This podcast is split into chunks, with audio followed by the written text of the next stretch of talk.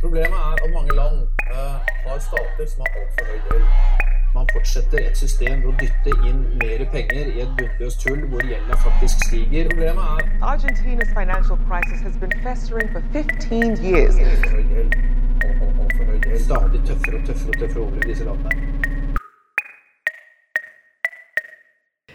Du hører på Gjeldsbrevet, podkasten til Slugg, nettverk for rettferdig gjeldspolitikk. Jeg er Karoline Arnesen, Og jeg er Kristoffer Jacobsen. og i dag så skal vi prøve å snakke om uh, framtida, Kristoffer. Ja, den eh, kommer jo, den også, en dag. ja, men akkurat nå så er det jo full, full blown eh, korona, og vi sitter på hvert vårt hjemmekontor og tar opp. Ja, litt dårlig internettforbindelse, men vi prøver å få det til å funke. ja, det, det er, vi, vi, vi er ikke bedre enn andre folk. Vi har de samme problemene, vi. Vi har det.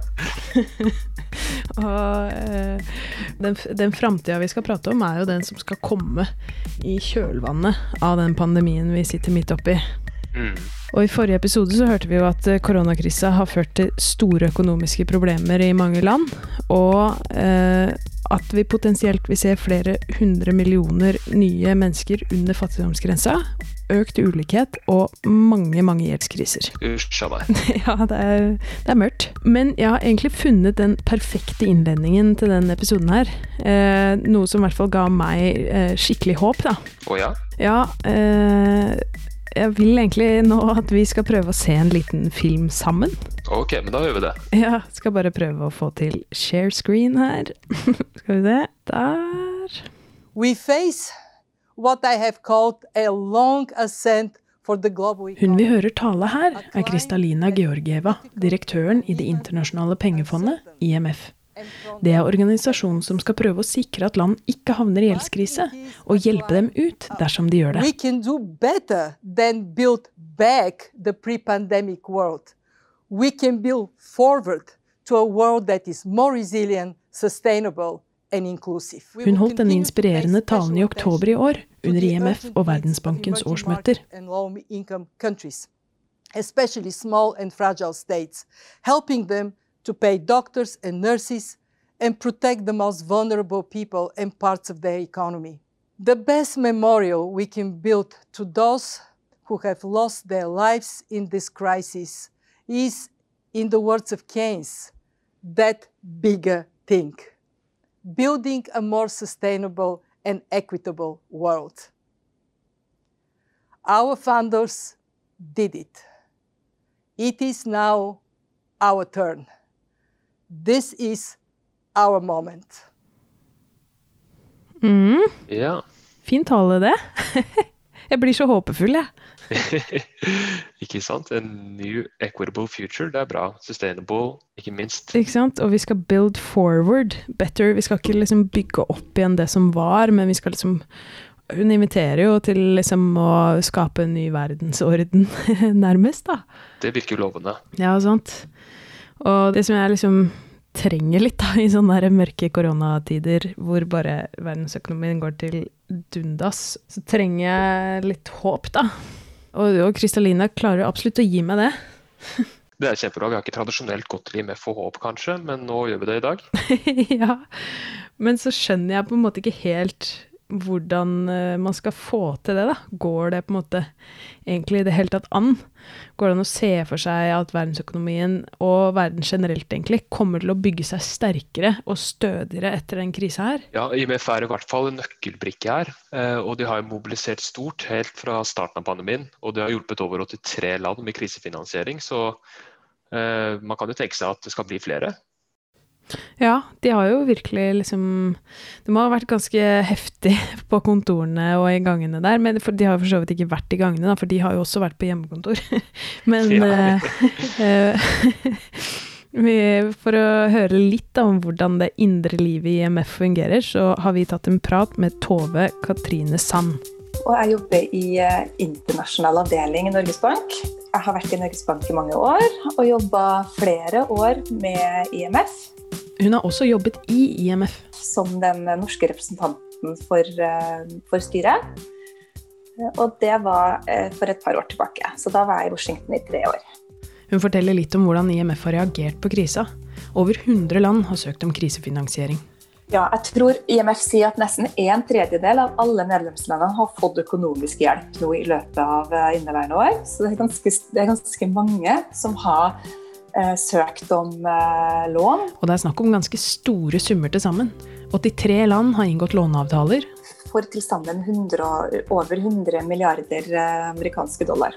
Det er lavinntektslandene som har trengt mest hjelp. Så her har jo IMF brukt sine katastrofefond, bidratt til gjeldslette, bidratt med masse smålån til, uten, noe sånn, uten noe mer økonomisk program eller, eller lånebetingelser knytta til de lånene. eh, For å, bare for å få land til å fungere og kun prioritere helseutgifter akkurat nå i år. Når et land har mye gjeld, vil det i en sånn krise som nå egentlig være tvunget til å betale ned på gjelda si, heller enn å tilby befolkningen helsetjenester. Men når IMF nå under krisen har gitt hjelp gjennom sitt Catastrophe Relief Fund, så har landene fått midler slik at de kan betale ned gjelda si. Og det betyr at da frir de opp økonomiske ressurser som de heller kan bruke på, på andre ting nå. Disse krisemidlene har blitt gitt raskt og uten noen særlig krav fra IMF. Men så blir det jo en vurdering nå etter hvert, når ting forhåpentligvis stabiliserer seg og vi blir vaksinert. Så blir det dere, de, de landene som da fremdeles har store problem, må jo da kanskje flyttes inn i mer av de tradisjonelle langsiktige låneprogrammene til IMF, hvor du har litt betingelser knyttet til lånene, og hvor du eh, kanskje må ha noen strukturreformer for å, for å sette, bygge opp økonomien igjen osv. Aktiviteten i verdensøkonomien falt brått og kraftig i våres. Og det er fortsatt stor smitte som fører til at land må innføre tiltak som fører til bremsing i økonomien. IMF overvåker situasjonen nøye. Og, og de anslår jo nå at eh, fallet i verdensøkonomien vil være nesten 4,5 i inneværende år. Så det er jo ganske dramatisk. Et sånt fall vil være dramatisk for mange land, og kan føre til at de får problemer med betalingsbalansen. At de ikke kan betale det de skylder. Det er et tegn på gjeldskrise. Og da kan man få mer langsiktige lån fra IMF. Men de tradisjonelle låneprogrammene til IMF, der er det jo programforpliktelser. Eh, Med tanke på at eh, de vanskene økonomien var i, som førte til at de fikk betalingsbalanseproblemer, skal, skal rettes opp. Eh, Da går jo IMF inn og samarbeider med, med det landet om et eh, økonomisk program, og, og hva som må gjøres for å komme på rett kjøl igjen. Og det er kanskje her Kristalina Georgieva, IMF-direktøren, ser for seg at vi må bli bedre. At når vi nå framover skal bygge opp økonomier, så må vi bygge dem bedre enn tidligere. Stødigere og sterkere enn tidligere. Fordi vi har jo sett at land havner i gjentagende gjeldskriser. Eh, Ofte så har eh, kanskje IMF et for positivt syn på hvordan utviklinga skal gå. Som gjør at kanskje eh, programmene sporer av litt for ofte. At man legger til grunn en for positiv oppfatning av veksten fremover, som gjør at programmet ikke når de målene som blir satt. Og da havner landet i betalingsvansker igjen. Tove Katrine forteller at hun opplever at IMF alltid jobber for å bli bedre. De gjennomgår jevnlig låneprogrammene sine for å se om det er forbedringspotensial. si De er jo en levende organisasjon som, må, som også liksom utvikler seg i, i tråd med det som skjer i verden og de nye utfordringene som vi møter. Hun forteller at de bl.a. har økt fokus på åpenhet om gjeld for å forsikre seg om at gjeldssituasjonen i et land er bærekraftig, og at man i stor grad ønsker å skjerme de grunnleggende menneskerettighetene til folk når man utarbeider strukturreformer for et land. Vi vet jo det at skal du ha bærekraftig økonomisk vekst, så, så er jo det å redusere ulikhet viktig, investere i utdanning er viktig, uh, ja, osv. IMF har jo litt trøblete historie fordi de har stilt strenge krav om liberalisering hos de landene de låner penger til. Og det fører jo med seg kutt i offentlige tjenester som helse og utdanning, og går ofte utover de fattigste landene. At ulikheten innad i landet øker. Samtidig har de i mange tilfeller vært for greie med uansvarlige utlånere, og har bailet dem ut når et land har havnet i krise og ikke kan betale tilbake. De rike blir rikere, og de fattigere blir fattigere. Men signalene fra direktør Georg Georgieva her er jo at dette skal ikke skje framover. Eller? altså at IMF ikke skal gjøre noe som fører til økt ulikhet. Vi måtte ta en prat med en som har god greie på ulikhet, for å se om vi kunne bli noe klokere på det her. Jeg heter Hanna Reinholdt, og jeg arbeider i Oxfam IBIS, som er i Danmark. Oxfam er en svær internasjonal organisasjon som jobber med utviklingspolitikk. Hanna sitt kontor er i København, og det overordnede temaet for alt de jobber med, er ulikhet. Men Hanna jobber spesielt med økonomisk rettferdighet. Især med financing for development, og som en del av det med hele de store gjeldsspørsmål, som jo er topprelevant lige nå. Vi kan snakke om ulikhet på mange måter. Ulikhet mellom kjønn, ulikhet innad i land, og ulikhet mellom land f.eks.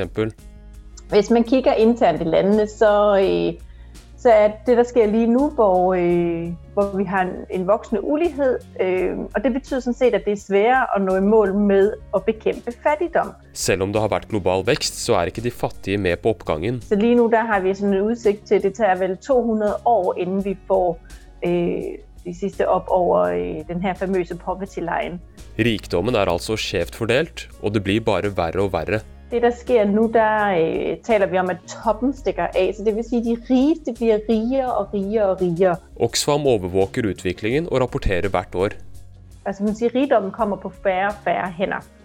Der er verdensbølgen, altså det er milliardærerne. Der er bare 2153 af dem i 2019, og de har mer altså de har mere rigdom øh, enn 4,6 milliarder mennesker. Øhm, og vi har de 22 rigeste menn. De eier til sammen det samme som samtlige kvinner i Afrika. Altså Vi har sånne fullstendig vanvittige tall for hvor mye rigdom der ligger på utrolig få hender. Og den der trend, den, øh, altså den, den blir bare voldsommere og voldsommere. Systemet vårt sånn som det er skrudd sammen nå, fører til at de som har penger fra før, får mer. Så det er noe med å kikke på noen av de her strukturer som skal laves opp. F.eks. må vi gjøre noe med skattesystemene våre, slik at skatten betales der verdiskapingen skjer, at rike mennesker ikke kan snike seg unna, og at ressursene kommer fellesskapet til gode. F.eks. gjennom universell tilgang til utdanning, som er et viktig tiltak i seg selv for å bekjempe ulikhet. Så er det, også, så er det andre ting som også øker ulikheten. Altså gjeldsspørsmålet også, hvor hvis man ikke har rett mange penger, så låner man penger, så betaler man rente til dem, der allerede har penge. Så der får du også en, altså en forkert vej rundt, sådan modsat omfordeling. Ikke? Du får de rige, øh, det kunne være banker, det kan være lande, det kan være organisationer, øh, låner penge ud, men tjener sådan set penge på det. Og dem, der ikke har penge, jamen, de låner og betaler så yderligere rente af det. Så det øger sådan set uligheden øh, yderligere. Når man er helt på bunnen, så kan jakten på rask profitt styre hva et land låner penger til og det kan få konsekvenser for ulikhet innad i land. Prosjekter hvor det kan være, liksom vi kjenner det fra de rike landene, hvor man også låner til et større prosjekt, og så over tid så får man så betalt gjelden av, og får man så købt sin investering tilbake. Sånn er det jo ikke med sundhed og uddannelse. Jeg vil si det, vi, vi står rett hårdt på, man må ikke privatisere sundhed og uddannelse. Det er øh, universelle goder, det er menneskerettigheter. Altså, det er ikke noe man skal betale for. Det skal et land dets. Finansmarkedene er også skrudd sammen sånn at de fattigste kommer dårligst ut av det. Og Hvis man så er et, øh, et land som ikke har så god betalingshistorikk, så får man altså en dårligere såkalt credit rating. Altså en kredittvurdering. Det er noen firmaer der lager de her kredittvurderinger. Øh, så er man kjent som værende en, en, svakere en svagere økonomi, og derfor får man dårligere betingelser. Dårligere betingelser er en høyere rente, det kan være, at man skal betale sin gæld af på kortere tid, så det bliver, den bliver svær at komme af med. Øhm, og hvis man ligesom når ind i en gældsspiral, hvor man er nødt til at låne flere penge for at betale af på den gamle gæld, så når man jo det her, sådan det når hullet til at være dybere og dybere og dybere, og så er det virkelig svært at komme op af. Og mange land er der nå, i dyp gjeld, og samtidig har økonomien bremset opp parallelt med at man må øke de offentlige utgiftene til helse. Det har vært noen gode akutte tiltak så langt under krisa, som det nevnte IMF Katastrofefondet, men også at G20-landene har gitt en gjeldspause. Det er den gjeldseftergivelse der er gitt i år, det er gjeld der er blitt satt på pause, er 5,3 milliarder US dollars. Det er utrolig mange penger, men det er kun 1,7% av betalingene. Og det er jo fordi det kun, det kun er de bilaterale, så det inneholder ikke de multilaterale, og det inneholder ikke de private. Det har vist seg som et tydelig problem under koronapandemien at de private kreditorene stadig får en større andel av lånemarkedet. Øhm, og den står liksom udenfor de her aftaler. Det betyder, at den gæld, der bliver sat på pause, det er forsvindende lidt. Gjeldspause er bra, altså, men det tar ikke tak i de grunnleggende problemene og løser ingenting. Det er kun midlertidig, og de rike landene vil få igjen pengene sine på sikt. Når det gjelder IMFs krisefinansiering, og spesielt de landene som vil slite i årene framover, må de gå med på mer langsiktige låneprogrammer med strenge kondisjonaliteter eller betingelser fra IMF. Hanne er redd for hvilke konsekvenser som venter. På sin vis er vi som CSO sånn sett enige i, at det, der må være noen betingelser for lånet. Det skal selvfølgelig være accountability. Man kan ikke bare få et lån og så bruke det på tant og fjas og en ny motorvei til presidentens palass. Altså det, det er nødt til å gå til øh, noe som kommer den brede befolkning til gode, noen av de her vitale øh, offentlige goder som sundhed. Øh, så på den måten så, så er der jo noen betingelser, som, som også vi sådan set er enige i. Men der, hvor det bliver dumt, det er, når man siger, at man skal, altså man skal lave de her, man skal, man skal spare på de offentlige øh, ydelser. Når det er offentlige utgifter man kutter i, så kommer det til å øke ulikheten innad i landet. Hvis der plutselig ikke er øh, gratis skolegang, hvem er det så, der kommer i skole? Det er jo kun de rige, og det er sådan set kun de rige drenge. Så så får du jo en øget ulighed, så får du en negativ konsekvens for det. Og det samme med sundhed. Hvis det pludselig koster en formue at komme på hospitalet, hvem kommer på hospitalet? Så er det kun igen de rige, det vil sige de fattige, de ender med at dø. Og så får du en endnu større, altså så, så var the breadwinner måske død også, altså så, så får du en endnu større ulighed. Så det får nogle, nogle forfærdelige konsekvenser, når man laver de her meget stramme austerity measures, eller de her sådan, øh, hvor man kræver, at et land sparer eller skærer ned i sine offentlige udgifter på nogle af de her helt centrale områder. Og det er det, vi har set historisk med nogle af lånene, som bliver givet. Og det er selvfølgelig noget af det, som, ja, som vi ønsker, at det ikke skal være sådan. Dessverre så viser en rapport fra Eurodad, som har gått gjennom 80 av lånene som er gitt av IMF siden mars, at landene som har mottatt krisefinansiering i år kan vente seg mange år med kraftig sparepolitikk som kan gi nedbygging av offentlig sektor. Og dette rett etter at vi har hatt en helsekrise og sett hvor viktig det er å ha et sterkt helsesystem. Hanna synes dette er dårlige løsninger. Altså, det, må det må være liv over lån, om man vil. Ikke? Når vi spør om det er noe håp for at vi kan build forward better og ikke gjøre de samme feilene igjen i kjølvannet av koronakrisa, er Hanna håpefull. Jeg vil gerne være den evige optimist. Jeg synes, at IMF og Verdensbank sier noe mer riktig, eller noe som lyder bedre i mine ører, enn de har gjort før. Men hva er verktøyene vi skal bruke? Hvordan kan vi sørge for at IMF ikke bidrar til mer ulikhet i årene fremover? Hun holder fram at det er viktig å få alle kreditorer, både bilaterale, multilaterale og private, rundt bordet. Hvis et land så går inn og bruger alle pengene på å betale av på privat gjeld, så har vi sånn sett bare bailed out the private sector. Det, ikke, altså det er ikke det, der er intentionen, det er også derfor, det er viktig å få alle tre sektorer med. Det blir for dumt hvis IMF eller G20 gir lån, pauser eller lettelser til et land som så må bruke alle de pengene til å betale private långivere. Da tjener de private, mens landet står i like dyp gjeld. Gælden, når du blir opptatt i gjeld, så skal det selvfølgelig være på gode vilkår. Det kan ikke nytte, at vi har noen sindssygt høye renter. Det er sånn så Noen av landene de betaler opp mot 10% i renter, hvor vi andre betaler ca. 0, eller kanskje en negativ rente. Altså det er da på ingen måte fair, at når du har det hårdt, så skal du betale mer rente. Ud fra et, et långiverperspektiv, så handler det selvfølgelig om å tjene penger. det er jo det, der er udfordringen. Altså det kan ikke nytte, at vi har private kreditorer, som tjener penge på en krise, hvor folk de dør. Det er ikke rimelig. Hun peker også på behovet for restrukturering av eksisterende gjeld og gjeldslette. Det å gå inn og kikke på den eksisterende gjeld som skal omlegges, og store delen av den skal jo fullstendig slettes. Så hvis den ikke er bæredygtig, eller bærekraftig, som du vil si, altså, så er vi jo nødt til å gå inn og kikke på den. Og så blir det jo ikke betalt av. Så skal det slettes. Altså, ellers så ender vi med lande, der går bankerot, og så får vi øh, mennesker, som kommer til at dø, og stigende ulighed. Og, så, og det vil ikke være godt for landene, men det vil heller ikke være godt sådan globalt set. Altså, det er, ikke, det er ikke godt for os heller, at der er lande med en masse ustabilitet og en masse uro. Øh, så det er sådan set i alles interesse, at man kommer ordentligt ud af en krise. Så kan vi tro at det kommer til at ske? Mit optimistiske hjerte tænker, at vi skal bruge den her øh, krise til at gøre op med nogle af de gamle strukturer, som ikke fungerer, og så er vi nødt til at gøre noget andet, altså build forward better. Så det er ikke noget med at komme tilbage, men vi er nødt til at tænke anderledes, gøre noget nyt. Og det, øh, det tænker jeg, at der er mere lydhørighed overfor, end der har været tidligere. Hvordan kan vi påvirke disse store verdensomspændende strukturene? Altså, vi har jo en gruppe i både IMF og Verdensbanken, vi har sådan en Nordic Baltic Group. Norge deler sin styreplass i IMF og Verdensbanken med en gruppe nordiske og baltiske land. Vi har en stemme, og vi skal bruke den stemmen til å flytte IMF og Verdensbankens dagsordner. Altså, vi har en plass ved bordet.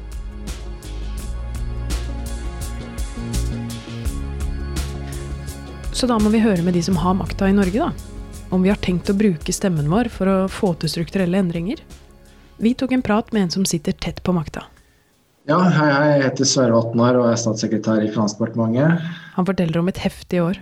Så det har, det har jo vært eh, en type krise som ikke vi har eh, sett noe lignende til tidligere. Så det har eh, stilt oss og, og, og alle i, ja, i de fleste i mange departement på en stor prøve. Det har det. Mm. Norge er heldige fordi vi har en god økonomi til å møte krisen, og et dugnadsinnstilt folk som går med på et strengt smittevern. Men det er langt fra alle som har det så godt som oss. Og Verdensbanken anslår at pandemien vil kunne skyve mellom 110 og 150 millioner mennesker over i ekstrem fattigdom eh, i løpet av i år og, og neste år. Det sto ikke så bra til med oppnåelsen av en del bærekraftsmål før krisa, og flere land var på vei inn i en gjeldskrise allerede før pandemien. Vatnar forteller at gjeldsnedbetaling ikke er det som bør prioriteres for disse landene nå. Så Myndighetenes første oppgave nå er jo å bevare liv og helse både i Norge og i, i, i andre land som blir rammet, fattige og rike land. Eh, og Samtidig så, så, er det også et viktig mål for myndighetene at man kommer ut av det på den andre siden med levedyktige bedrifter og økonomier. Men koronapandemien koster for alle. IMF har anslått at pandemien kan bidra til at verden går glipp av verdiskaping på, på så mye som 28 000 milliarder eh, amerikanske dollar. Det er jo svimlende tall i perioden 2020 til 2025. Uh, og dette økonomiske tilbakeslaget rammer veldig skjevt, uh, både mellom land og, og, internt i landene. De fattigste rammes hardest. Han forteller at Norge syns initiativene som IMF har kommet med, er viktige for å bidra til at de fattigste landene kan håndtere krisa. Så, så Norge støtter uh, aktivt opp om, om disse initiativene. Vi har bidratt med 180 millioner kroner til IMFs katastrofefond. Og Norge har gitt 100 millioner kroner i ekstra bidrag til Verdensbankens fond for de fattigste landene. Og vi har også økt de norske lånemidlene til IMFs subsidierte låneordninger for lavinntektsland. Eh, der lån for tida gis med nullrente. Eh, og økningen vår er på om lag 5,6 milliarder kroner. Han forteller at vi også støtter G20-landenes gjeldspause, eller gjeldsmoratorium, som det heter. Eh, det moratoriet er nå utvida til juni 2021 og vil også gjelde ut 2021 eh, for land som inngår et nytt eh, IMF-program. Men som Hanna Joksfam fortalte, så er jo ikke private kreditorer med på å gi de fattigste noen pause. Og Vatnar sier at dette er en stor skuffelse. Og det uthuler dessverre effekten av moratoriet. Når flere land nå etter hvert skal forsøke å bygge seg opp igjen etter krisa, så kan IMF bidra med kompetansebygging og støtte, slik at man kan sikre en bærekraftig økonomi. Så har, uh, har, det også blitt en uh, voksen erkjennelse, erkjennelse, over tid at det ikke må stilles for strenge krav til finanspolitiske tiltak. Det må ikke føres uh, en for streng politikk når det gjelder bruk av offentlige midler til målretta gode tiltak. For det kan da hindre utviklingsland i å investere i viktige områder som helse og utdanning. Samtidig må vi passe på at vi ikke bare gir hjelp som utsetter utfordringer, eller i verste fall forsterker dem. Og når det gjelder kravene som stilles til gjeldsbærekraft i IMFs låneprogrammer, så mener vi det er et viktig håndtak for å få bedre oversikt over og kunnskapen om statsgjeldssituasjonen i enkeltland. Disse mener vi bør praktiseres strengt og etter boka. Eh, at lånte midler faktisk bidrar til bedre økonomisk utvikling, er i innbyggernes interesse. Ellers risikerer vi at vi bare bidrar til nok en omdreining i gjeldsspiralen. Men hva kan vi gjøre med de private kreditorene, da? Hvordan kan vi sikre at det ikke bare blir en bailout når IMF gir lån nå?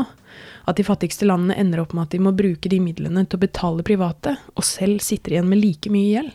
Det er, jo, det, er, det er jo litt vanskelig å se for seg akkurat hvilke tiltak man, man kan bruke da, for, å,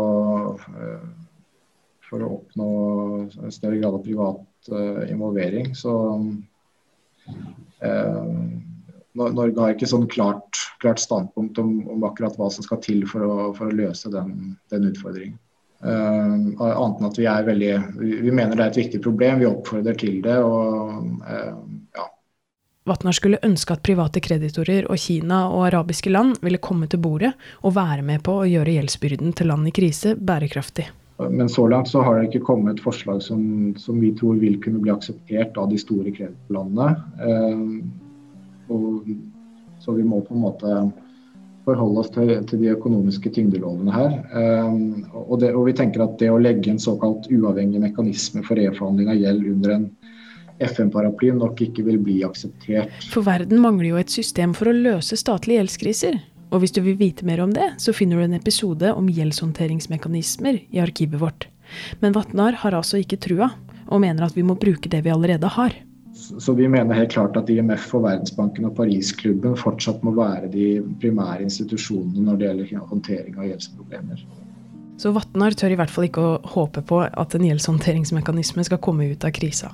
Men han ser fram til at IMF og Verdensbanken skal legge fram en ny handlingsplan på gjeld. Den er venta innen deres felles vårmøter i april. Så Vi må nok i nær framtid belage oss på å gjøre mer enn å gi da beskjedne betalingsutsettelser. Eh, og kanskje da mer sånn skreddersydde land-for-land-løsninger. Men hva gjør Norge, da? Prøver vi å påvirke situasjonen på noen måte? Bruker vi stemmen vår?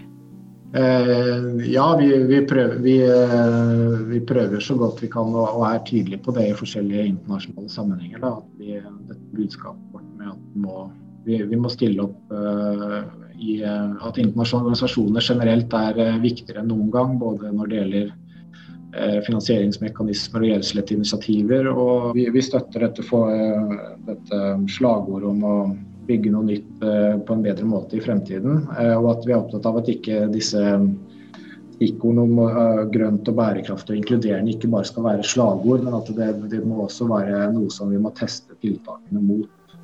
Men kan man bygge seg sterkere hvis man må drive med sparepolitikk og kutte i offentlige utgifter, da?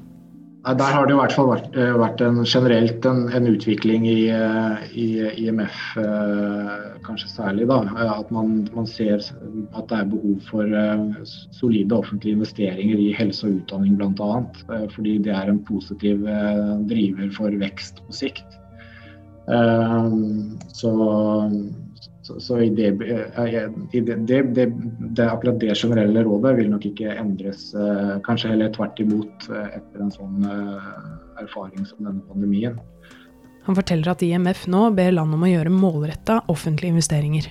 Rike land som, som er i en god statsfinansiell posisjon, må i, i liten grad i en, en slik krise ikke tenke så veldig mye på at man bruker mye penger men selvfølgelig tenke på hva man bruker det på, at man bruker det målretta. Men, eh, men, at det er behov for å bruke mye offentlige midler nå for å, for å støtte økonomien og, og støtte helsevesenet. Um, mens for fattige land så har vel rådet vært mer at um, da, må, da, må, man uh, naturlig nok tenke enda mer målretta uh, og konsentrere ressursene særlig om helseinnsatsen og støtte opp, opp under inntektene til de aller fattigste. Uh, og mest sårbare. Så, men, eh, men, det er generelt en, en krise hvor det, hvor, det, ja, hvor det, er behov for å bruke offentlige midler, men, eh, men å, å, å, bruke dem målretta. I Norges erfaring er det å bruke mye midler på f.eks. at befolkningen får utdanning og et godt helsesystem, og at barn får gå i barnehage sånn at både kvinner og menn får jobbe, bidrar til mindre ulikhet. Det er ikke en hemsko for vekst. Kanskje heller en, en fordel, fordi du får du klarer å ta vare på befolkningen og, gi eh, store deler av befolkningen muligheter da, til, å, til, å, bruke sine evner og, og, og være i arbeid. Eh, så, så, så, det kan hende at, det, at det, den type tenkning også kan få enda mer gehør fremover. Når man går gjennom, etter, etter at man har gått gjennom en sånn, en sånn krise som understreker behovet for felles innsats og, og, eh, og fellesskapsløsninger.